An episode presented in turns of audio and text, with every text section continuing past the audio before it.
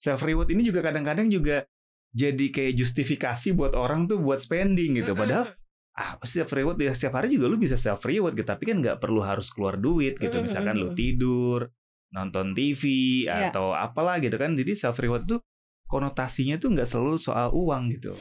Semua tuh memang berawal dari mindset. Ketika lu punya mindset yang benar lu pasti bisa mengelola keuangan lu dengan baik gitu. Tapi ketika mindsetnya udah salah secanggih apa pun lu mengelola memoles-molesnya itu pasti susah sih berat Sebenarnya ada Hmm. nggak sih rule of thumb nih Mas Mm-mm. Ai ketika kita mau deket-deket gajian gitu Iya. dan kita kan udah tahu nih nominal Mm-mm, gaji kita mm-mm, berapa. Apa sih yang harus pertama kali kita lakukan?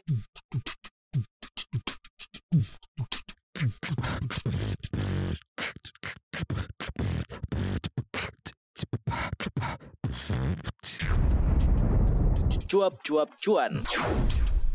Halo Sobat Cuan apa kabar? Selamat datang di podcast Cuap Cuap Cuan. Semoga Sobat Cuan selalu bahagia, happy ya.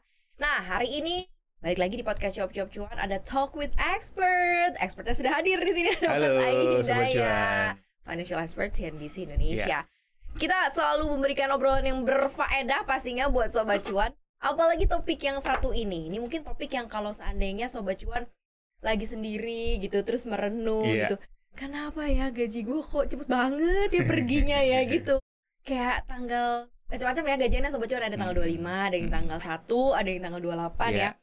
Kok satu perasaannya apa sama gitu ya mau Begitu. tanggal berapa masuk nih mas jam 00 00.30 kalau kebangun udah hilang gitu kayaknya transfer semuanya Iya, ya iya. jadi kayak umurnya 30 menit doang atau nggak Mm-mm. satu jam gitu kenapa sih selalu kayak gitu sob apa namanya mungkin sobat cuan ngerasa dan mas Ai pernah nggak sih merasa kayak gitu kalau gue jujur pernah gue merasa kayak gitu kayak iya, iya, loh, iya, iya. kok tinggal segini gitu Betul. Karena sebenarnya mindset ya. Mm. Karena orang tuh kalau ketika mendapatkan uang, pasti pikiran pertama yang dia eh, keluarkan atau pikiran pertama yang dia pikirkan apa? Gimana cara ngabisinnya? Atau gue beli apa? Mm, Gue mau ngapain nih? mm. Kayak gitu.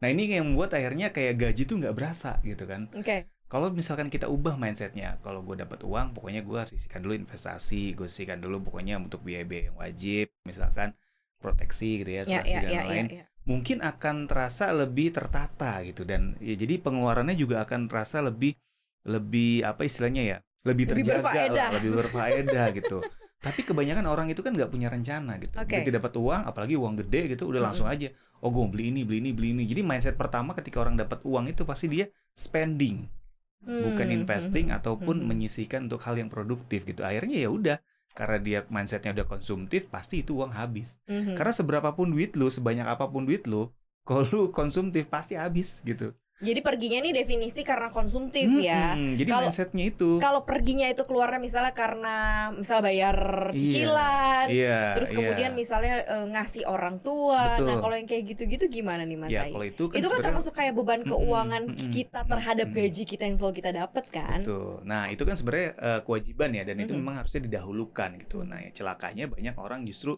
kadang-kadang kewajiban tuh dinanti-nantikan akhirnya eh, ya itu dia mendahulukan yang memang sifat keinginannya dia atau Mhm. kemauannya dia akhirnya kewajibannya terbengkalai otomatis kan menggulung terus nih Mhm. eh, apa yang harus dia bayarkan jadi gajinya kayak nggak berasa gitu berapapun dia dapat eh, penghasilan gitu nah ini juga kan bahaya gitu jadi Mhm.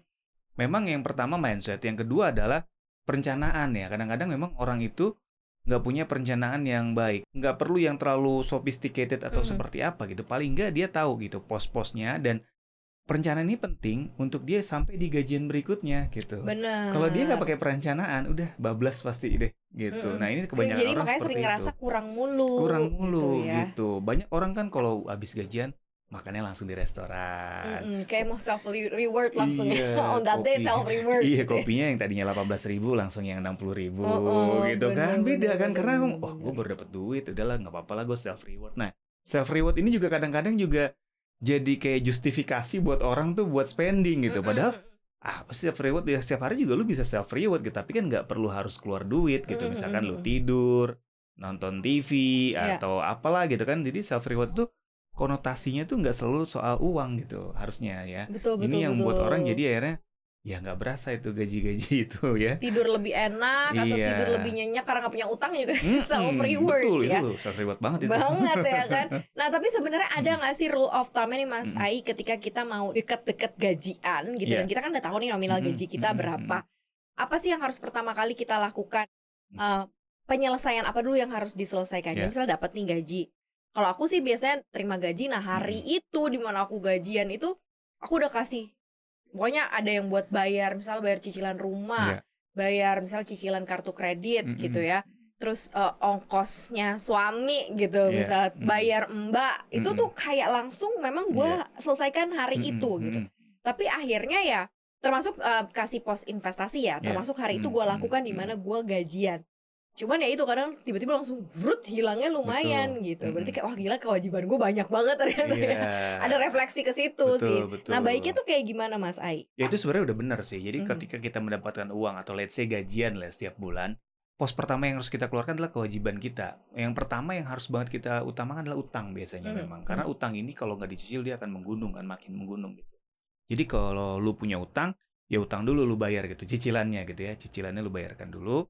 Yang kedua, kewajiban-kewajiban yang sifatnya reguler gitu. Misalkan buat makan sebulan Mhm. gitu ya. Tadi ya kayak buat bayar listrik Mhm. gitu atau buat transportasi atau mungkin buat jajan anak kalau ada anak sekolah Mhm, gitu kan. mhm, Pokoknya yang wajib-wajib yang memang rutin setiap hari dikeluarkan pokoknya disisihkan sampai bulan berikutnya sampai gajian berikutnya gitu. Karena ini kan Hmm, bahaya oke. karena kan dia rutin kan pengeluarannya setiap hari. Kalau Ya. misalkan nggak disisihkan duluan, wah ini bahaya nanti Mhm, nanti ngambil mhm. pos yang mana gitu. Nah, yang ketiga baru sifatnya yang memang eh, kayak proteksi bayar misalkan eh, premi asuransi gitu ya atau investasi juga Mhm. gitu atau dana pensiun gitu. Itu harus disisihkan juga. Yang keempat baru nanti kalau misalkan masih ada sisanya ya bolehlah untuk laser sedikit gitu ya. Tapi juga kalau Hmm. bisa jangan langsung dihabiskan saat itu juga gitu ya, dicicil-cicil lah gitu Mhm, biar mhm. ada berasa misalkan seminggu sekali lah ke restorannya atau seminggu sekali lah misalkan jajannya gitu. Jangan setiap hari harus eh, bombardir yang Mhm. konsumtif gitu. Nah, ini kan suatu perencanaan yang mungkin bisa membuat keuangannya dia lebih stabil gitu. Nah, tapi ya kalau misalkan dirasa oh ternyata gue baru hal-hal kewajibannya udah habis berarti utangnya kebanyakan mungkin ya atau mungkin eh, u- uang untuk konsumsinya kebanyakan. Nah, itu Oh, mungkin ada yang harus dikurangi gitu. Mhm. Jadi eh ya dibilang tadi nggak berasa gitu gajinya. Ya berarti harus ada yang dikurangi pos-posnya nih. Karena mungkin pemasukannya eh, nggak sebanding dengan pengeluarannya. Atau cara Hmm, kedua yang oke. paling harus dilakukan adalah ya tingkatkan penghasilannya gitu kan. Mm-mm, baik mm-mm, itu gajinya penghasilannya sampingan kerjaan.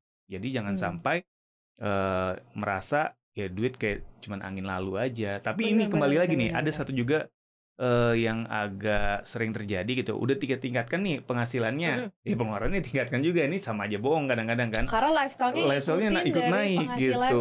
Nah, harusnya sih Oke. jangan langsung inline ya gitu kalau misalkan gaji lu naik 10% ya eh, spending lu jangan naik dulu deh kalau bisa Hmm. ataupun kalaupun naik 5% aja gitu Tapi Jadi somehow itu kayak Hmm. sesuatu hal yang susah loh. Mungkin Susah. sobat cuan yang ngerasa kelihatannya eh, gampang tapi susah kelihatannya ga- gampang Mm-mm. tapi susah karena kan Mm-mm. ngerasa punya duit lebih. Jadi Betul. kayak ya sebenarnya gue bisa beli yang jauh lebih agak mahalan Iya, dikit nih dari iya, ini. Ini iya. tuh kayak gimana Mas Ai? Mm-mm, mm-mm. Jadi kayaknya melihat barang tertentu atau melihat hal tertentu Mm-mm, jadinya naik kelas karena Mm-mm. ngerasa bahwa income-nya memenuhi Iya, standar. iya, iya. Nah, kalau gue pribadi ya tips dari gue pribadi Mm. misalkan gitu ya. Kalau kita mengalami kenaikan penghasilan gitu, gimana caranya supaya pengeluarannya nggak meningkat? Mindsetnya harus diubah. Jadi kita kalau mau eh, melakukan sesuatu yang sifatnya spending, Mm. itu kita based on fungsi. Oke. Nah, Oke, let's say gini. contoh, contoh, contoh. Contoh, gue udah punya iPhone 10 gitu ya, Ah. tiba-tiba gue naik nih gini, wah keluar nih iPhone baru, iPhone 15 11 nih atau sekarang. 15 gitu, gue mau beli. Kalau lu mindsetnya fungsi, ah buat apa? Gue udah punya kok sama aja iPhone benar. fungsinya sama. Benar. Jadi gue nggak jadi beli gitu kan. Atau misalkan eh apalagi ya eh, kayak contoh gue kayak gue pribadi nih Hmm, kopi, kopi, gitu ya. eh, kopi ini selalu gue jadi contoh ya. Biasanya kopi yang 18 ribu lah kopi-kopi kekinian gitu segelas. Gue gaji udah naik kok. Gue pengennya sih yang yang yang Bisa yang lebih mahal 30-40 lah, ribu. 34 ribu atau 50 ribu. Ya Hmm. jangan kan fungsinya sama. Rasanya Hmm. juga nggak jauh-jauh beda lah antara Mm-mm. satu. Jadi emang mindset fungsi ini penting. Kadang-kadang orang terjebak sama mindset eh, apa ya estetik atau mindset pengen terlihat lebih eh, up to date gitu ya, Hmm, hmm. pergaulan kayak gitu. Hmm. Ini yang membuat akhirnya nggak ngimbang nih antara pemasukan sama pengeluarannya gitu. Jadi ini penting sih. Semua tuh memang berawal dari mindset. Ketika lu punya mindset yang benar, lu pasti bisa mengelola keuangan lu dengan baik gitu. Tapi ketika mindsetnya udah salah, secanggih apa pun lu mengelola memoles-molesnya itu pasti susah sih, berat. berat, karena Berat, memang ya betul. karena dari sisi dari otaknya juga udah Iya gitu. Karena salah. setiap orang pasti kan gitu, pengennya selalu dilihat oh Mbak Maria, oh gue malu nih sekarang udah iPhone 15 kok gue Hmm. masih yang 10 ya gitu Hmm, kan. hmm, hmm. Eh, apalagi nongkrongnya di kalangan sosialita Hmm. gitu kan. Nah, itu. Nah itu Mas Ai maksud maksud Iya. maksud aku tuh gitu. Ketika kemudian kita udah punya mindset yang seperti Mm-mm, itu, tapi mm. lingkungan kemudian memancing-mancing Mm, gitu ya untuk mm. kita bisa upgrade Iya. ke atau ikutlah ikut tren Mm, itu mm. eh, seperti apa? Ada juga banyak orang yang kemudian nggak ah gue update gue tetap beli yang terbaru Iya. gitu. Soalnya gue yang kelama deh cari-cari alasan lah misalnya kurang perform lah lah lah lah lah gitu. Iya, iya. Makanya terus belilah gitu ya. Nah, apakah memang uang yang digunakan untuk membeli itu memang sudah disiapkan Mm, mm. atau kemudian dadakan aja gitu orang karena banyak orang yang suka spontan ya udah Iya, gesek iya, aja iya, nggak apa-apa itu nanti bisa dibayar. Ya kembali lagi ya selain mindset orang juga harus rasional gitu ya. Hmm. Ketika memang budgetnya ada sudah Betul juga. dipersiapkan ya Hmm. nggak jadi masalah gitu. Tapi kalau misalkan tiba-tiba gajian nih, oke let's say gajian lu 30 juta, Mhm. iPhone baru harganya 30 juta, ya lu nggak rasional Habis juga kalau langsung beli itu. Lu makan pakai apa gitu sampai bulan depan kan kayak gitu. Jadi memang ya harus rasionalitasnya harus jalan juga. A- ada gitu. standar perhitungan kemampuan atau kecukupan nggak sih Mm-mm. terhadap sesuatu dari eh, gambarannya itu dari gaji kita gitu. Mm-mm. Jadi misalnya ada nggak sih di financial planning gitu gaji lo cuma 10 juta Iya. ya kayaknya untuk beli iPhone yang 30 juta kalau seandainya lo nabung 10% aja setiap bulan Iya. berarti kan itu lo baru bisa kebeli 2 tahun Iya. nabung Mm-mm, bener gak sih? mm-mm, betul. Ada nggak sih patokannya gitu yang supaya sobat cuan jadi ngeh oh ini gue lebih dari kemampuan gue kalau gue Mm-mm, mau ikut mm-mm. catch up the trend ini. Ya sebenarnya kan gaya hidup ya. Kalau di financial planning itu kan ada porsi untuk gaya hidup ya. Gaya hidup tuh mau ya dia apa ya istilahnya jalan-jalan ke beli gadget ke eh, beli barang hobi atau apa pun itu kan 10 sampai 20% maksimal Hmm, Oke. dari penghasilan. Itu setiap bulan ya. Hmm. Jadi let's say tadi gajinya misalkan 10 juta. Ya paling eh, 1 juta sampai 2 juta maksimal yang bisa dia gunakan per bulan. Terserah itu dia mau gunakan langsung Mhm. dihabiskan di bulan itu atau dia mau tabung untuk beli sesuatu yang memang harganya mahal gitu ya. Mhm. Jadi memang logikanya kalau misalkan dia membeli suatu barang yang harganya mahal dan di luar kemampuan budget lifestyle-nya dia, ya dia harus menabung. Dia harus investasi dulu gitu. Mhm. Jangan langsung eh, dia habiskan pakai uang yang dia punya gitu Mhm. saat itu. Itu nggak benar gitu. Karena memang eh, budget lifestyle ini yang terkadang memang mengacaukan perencanaan keuangan setiap orang nih. Karena Ah. biasanya orang-orang itu menghabiskan gaji, dan menghabiskan gaji gaji, gitu. betul orang itu biasanya memang lebih diutamakan yang gaya hidupnya dulu gitu apalagi orang-orang yang gengsian gitu ya nah anak-anak milenial sekarang atau Gen Z sekarang nih banyak banget yang kayak gitu makanya kan sekarang kalau kita dengar-dengar berita gitu ya banyak kredit macet dipinjol Ya, ya, kayak ya, gitu ya, kan ya. ada pinpri dan segala macam ini kan karena emang untuk mengakomodir gaya hidup yang semakin tinggi Mhm. tapi kemampuannya rendah gitu ya Mhm. ini kan bahaya jadi memang idealnya pokoknya adalah untuk gaya hidup itu 10 sampai 20% per bulan dari total penghasilan gitu ya. Jangan Hmm. lebih dari itu. Nah, kalau kita mau mengakomodir membeli barang yang eh, nilainya mahal, ya baiknya kita kumpulkan dari budget gaya hidup itu Mhm. atau budget Mhm. lifestyle kita Mhm. itu gitu ya. Kita cicil, kita tabung, kalau mampunya setahun baru beli atau dua tahun baru beli ya kenapa enggak gitu. Jadi jangan sampai memaksakan kehendak karena nanti kalau kita sekali aja udah memaksakan, wah kita kerepotan untuk menutup lubang-lubang yang Betul. kita ambil dari pos duitnya misalkan Hmm. kita ambil dari pos duit eh apa ya asuransi gitu ya Hmm, proteksi hmm. tiba-tiba eh, asuransi nggak dibayar kan nggak berlaku kita sakit malah Ya. lebih gede lagi biaya yang dikeluarkan gitu investasi Jadi, juga sama dan betul. lain sebagainya Jadi gitu ya. sekaligus belajar atau melatih diri untuk menunggu Betul, gitu ya jadi untuk memang, sesuatu yang kita ya, pengen-pengenin Mm-mm. gitu. pokoknya investasi pengelolaan keuangan itu emang ada pengorbanan besar yang harus kita Parah lakukan sih. gitu Tapi ya efeknya nanti juga akan efeknya juga pasti besar. akan nikmat malah lebih enak gitu Keto- Mm-mm. kalau kita mendapatkan barang dengan susah payah itu Mm. pasti kalau udah dapet wah berasanya enak banget Berasanya gitu. kayak ah akhirnya Eh, ini udah dari wishlist Iya, wishlistnya betul. udah lama Wishlist udah baru kesampaiannya sekarang Betul. gitu ya. Nah itu kalau kita eh, ngobrolinnya Hmm.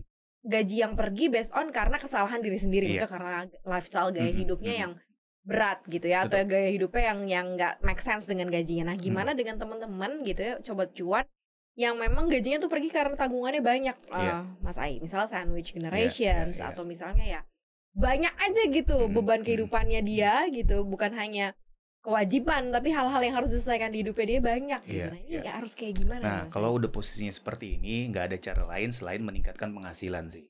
Itu udah udah faktor kunci yang harus dilakukan. Kenapa? Karena tadi kan Mbak Maria bilang Hmm. ya, dia memang beban hidupnya banyak dan banyak yang harus diselesaikan gitu. Hmm. Kalau memang nggak ada lagi yang bisa dikurangi, ya berarti jalan terakhir yang harus dilakukan adalah meningkatkan penghasilannya dia. Mhm. Dia harus kerja lebih keras, gimana caranya untuk mendapatkan uang lebih banyak lagi untuk menutupi tanggungan-tanggungannya dia. Karena kan nggak mungkin misalkan dia Ya. senior generation ntar dianggap anak durhaka lagi, oh gue nggak mau ngasih ke orang tua gue deh gitu kan Mhm. ya. Walaupun sebenarnya itu nggak wajib ya, tapi kan kalau di di kita ya mungkin di di terutama mungkin di Di adat ketimuran gitu kayaknya ya kalau nggak ngasih ya. orang tua kayaknya gimana Ya, gitu ya, ya. ya. Jadi ya memang mau nggak mau harus ditingkatkan penghasilannya sih kayak gitu dan kalau emang udah meningkat penghasilannya dia harus mulai investasi, dia harus mulai istilahnya beli proteksi dana pensiun itu nantinya yang bisa menjadi buffering dia untuk dia bergerak lebih leluasa gitu kalau Mhm. misalkan nanti ada apa-apa gitu kan. Mhm.